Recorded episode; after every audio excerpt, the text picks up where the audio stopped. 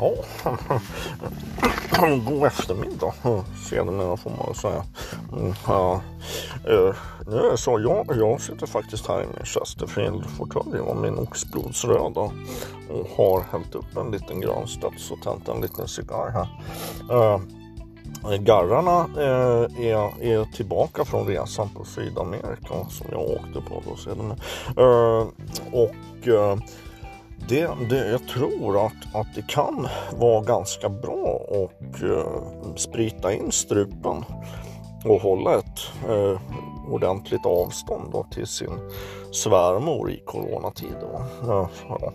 Eh, så att där, eh, jo, jag satt och tänkte på um, de här morden där på 1800-talet var med han, ja i folkmun då kallad Jack de Uh, och eh, jag har suttit mycket på min kammare och tänkt.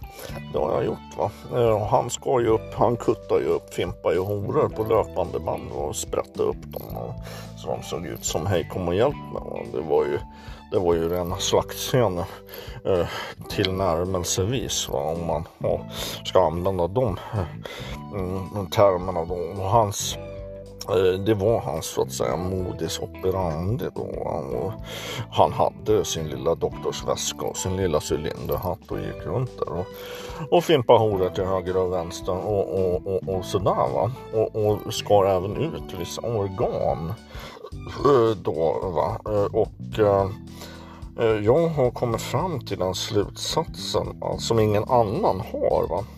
Att det här, det måste röra sig om en Eh, en fördolt elak och listig typ. Eh, mm, om man tänk, ser rent polisiärt då. Och då har jag kommit fram till att det är ingen annan än Arne Weise som kan ligga bakom det här. Och det, det faller väl ut i tid och rum och allting för han är, han är cirka 280 år gammal. Så att där har ni det. Det, det jag tänkte närmast på där med något som också är gott det är ju sån här kallskuret man kan hitta i kallskänken med lite så här skuren rostbiff och lite sånt där. Och, så, och sen finns det ju även sån här vad ska man säga som sprängd anka. Det, det är fint också det är lite sådär. Så det kan man tänka på när man tänker i de banorna. Kallskuren skinka kallskuren kassler eh, Lite sälta, det är väldigt bra och nyttigt. Att få i sig då om man gör sin förundersökning och läser de ballistiska rapporterna om eh, uppsåt och modus operandi och lokalkännedom och, och, och har saklig grund för sina påståenden då sedermera i, i och med indiciekedjans eh, utveckling då så, så kan man tänka sig att att det kan vara ganska fint. För det, det fick jag och Majsan. Vi, vi var ju nere på den där mongoliska restaurangen som fanns förr i tiden och då fick man just sån eh, hängslaktad rådjur och så vidare och så vidare och så vidare och det, det är jävligt fint. Jävlar, man blir proppmätt alltså. Och sen till efterrätt var det, vad fasen var det? Det var sån här gammaldags gräddglass med, med lite banan och lite maräng och lite kolasås och så där var jättefint. Jag var ju tvungen att bara slänga av mig Rolex-klockan och guldlänken och rullera ut magen direkt där, eh, eh, på bordet. Va? Och, och, bara ta en liten tupplunch. Uh, eh, så, så, så var det. kan ni tänka på om ni inte har testat. Mong mongoliskt. De steker direkt på bordet va? Uh, när du är på restaurangen. Mm.